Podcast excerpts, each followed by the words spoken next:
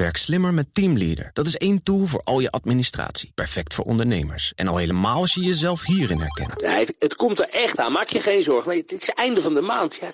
Zorg dat je druk bent met de juiste zaken en kies daarom voor Teamleader. Met CRM-facturatie, planning en offertes in één tool. Meer gedaan, minder gedoe. Dus probeer het nu gratis op teamleader.nl.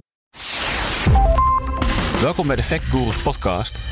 Fact Gurus is ook een factcheck rubriek op dinsdagochtend om 7 voor 9 ongeveer bij Bas van Werven, de ochtendspits.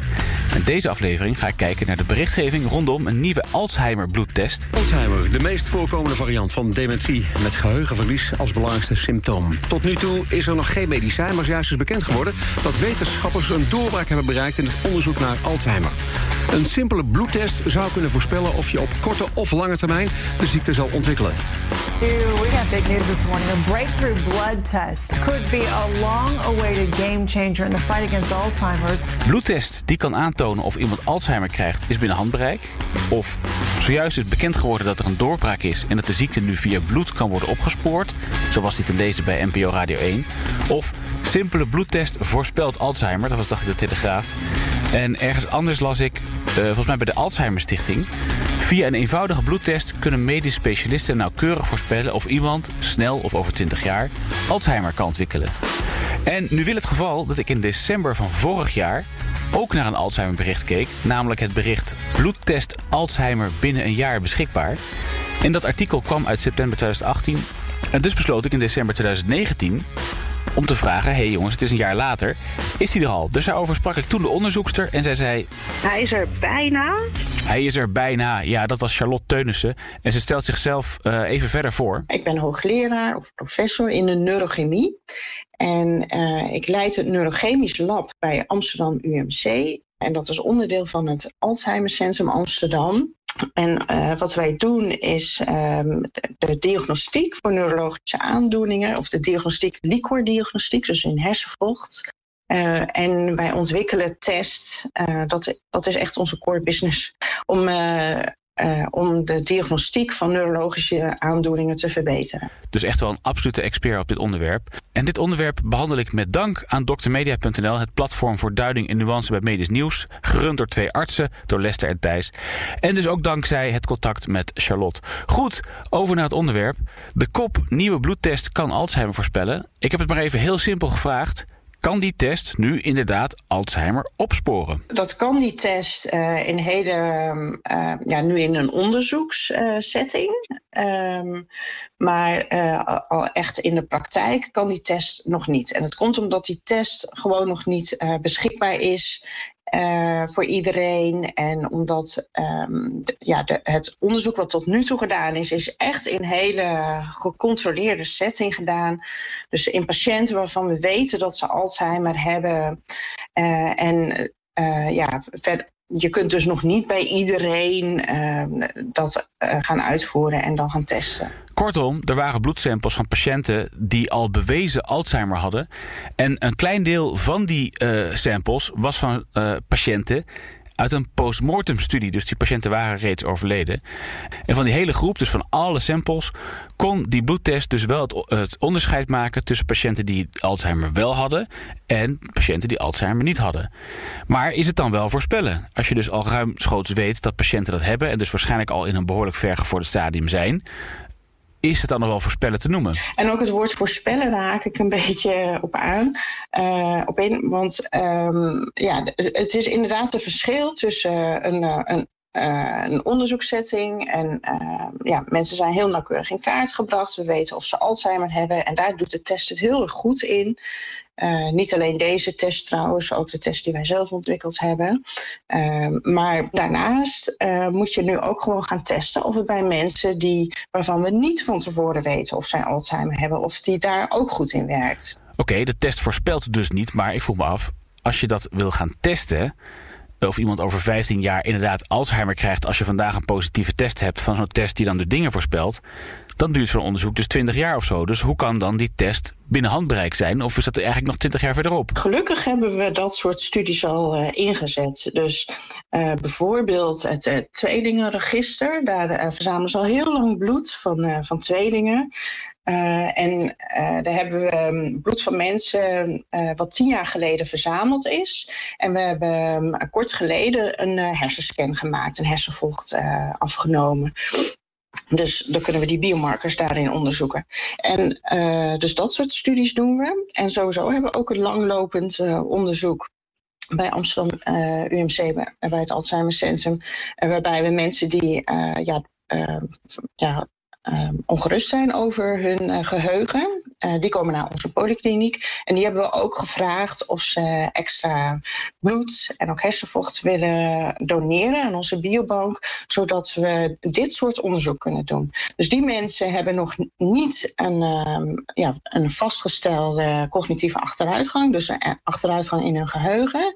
Maar die mensen vervolgen we. Dus in de loop van de jaren zijn er mensen waarbij het slechter gaat. Dat kunnen we dan ook echt met uh, ja, objectieve test vaststellen. En sommige mensen blijven stabiel. Dus die mensen kunnen we heel goed vergelijken. En dan kan je zulke voorspellende uitspraken gaan doen.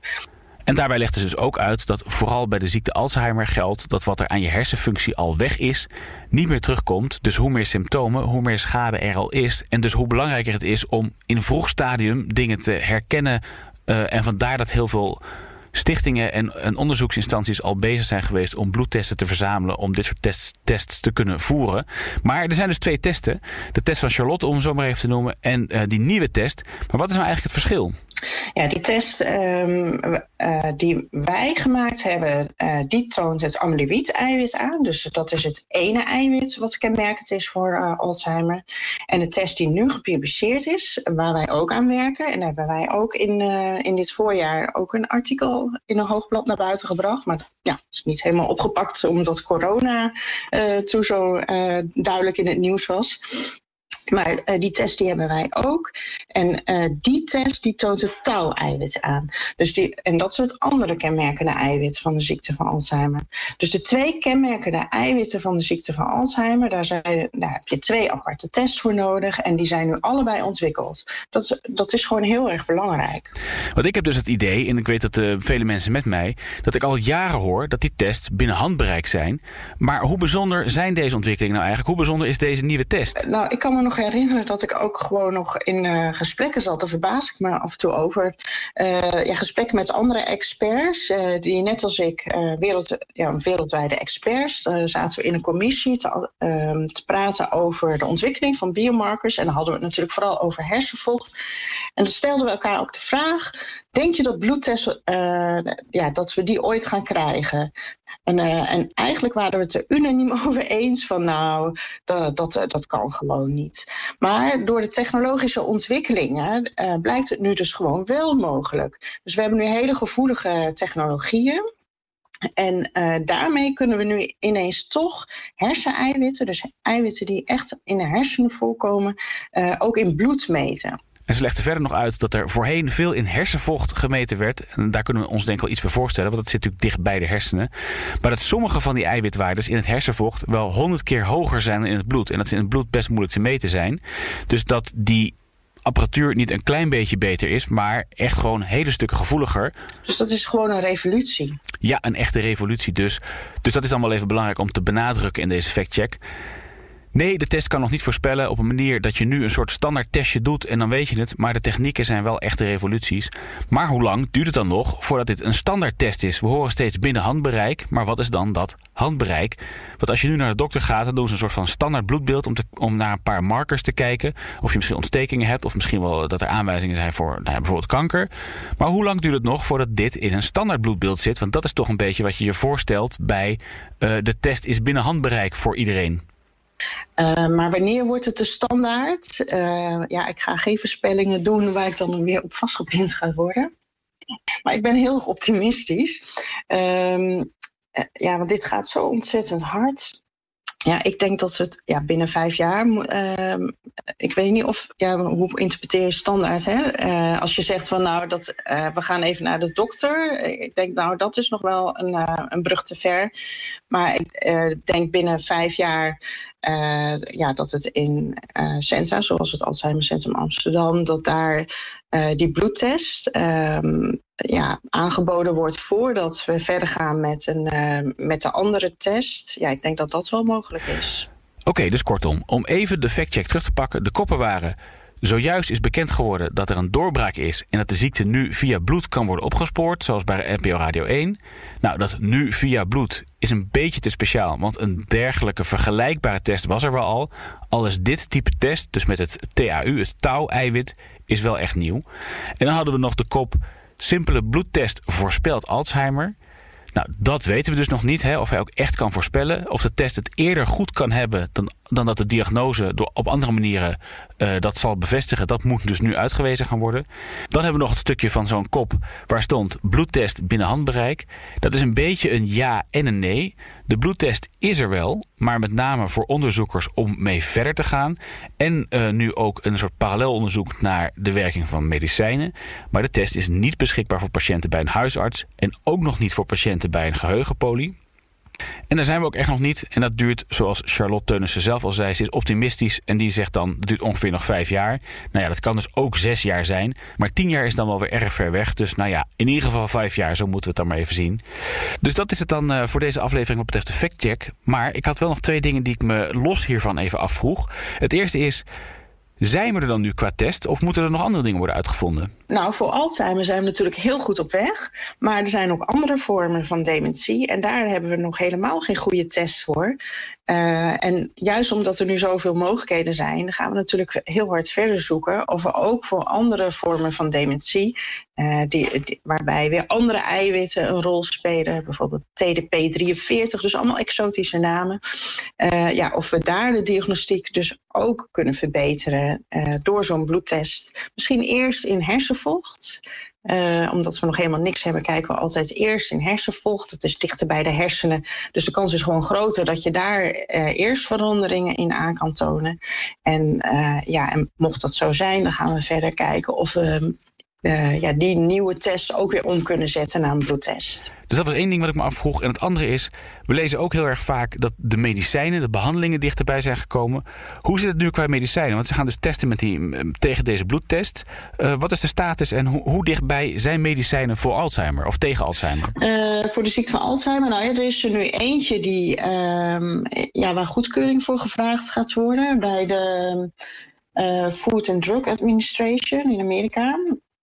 Uh, dus ja, ik denk dat die dan uh, ja, binnen een jaar uh, wel ergens beschikbaar komt. En ergens, dat is dan een beetje de vraag. Hè? In Amerika misschien eerst en in hele geselecteerde patiëntengroepen. Ik denk niet dat het heel breed uitgerold gaat worden.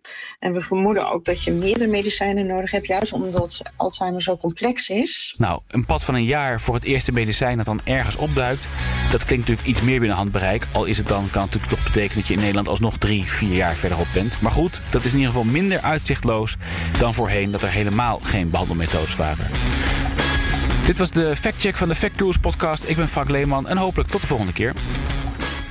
Werk slimmer met Teamleader. Dat is één tool voor al je administratie. Perfect voor ondernemers. En al helemaal als je jezelf hierin herkent. De offerte. Ja, ja die komt eraan. Uh, ik ben er nog niet aan toegekomen. Zorg dat je druk bent met de juiste zaken en kies daarom voor Teamleader. Met CRM-facturatie, planning en offertes in één tool. Meer gedaan, minder gedoe. Dus probeer het nu gratis op teamleader.nl.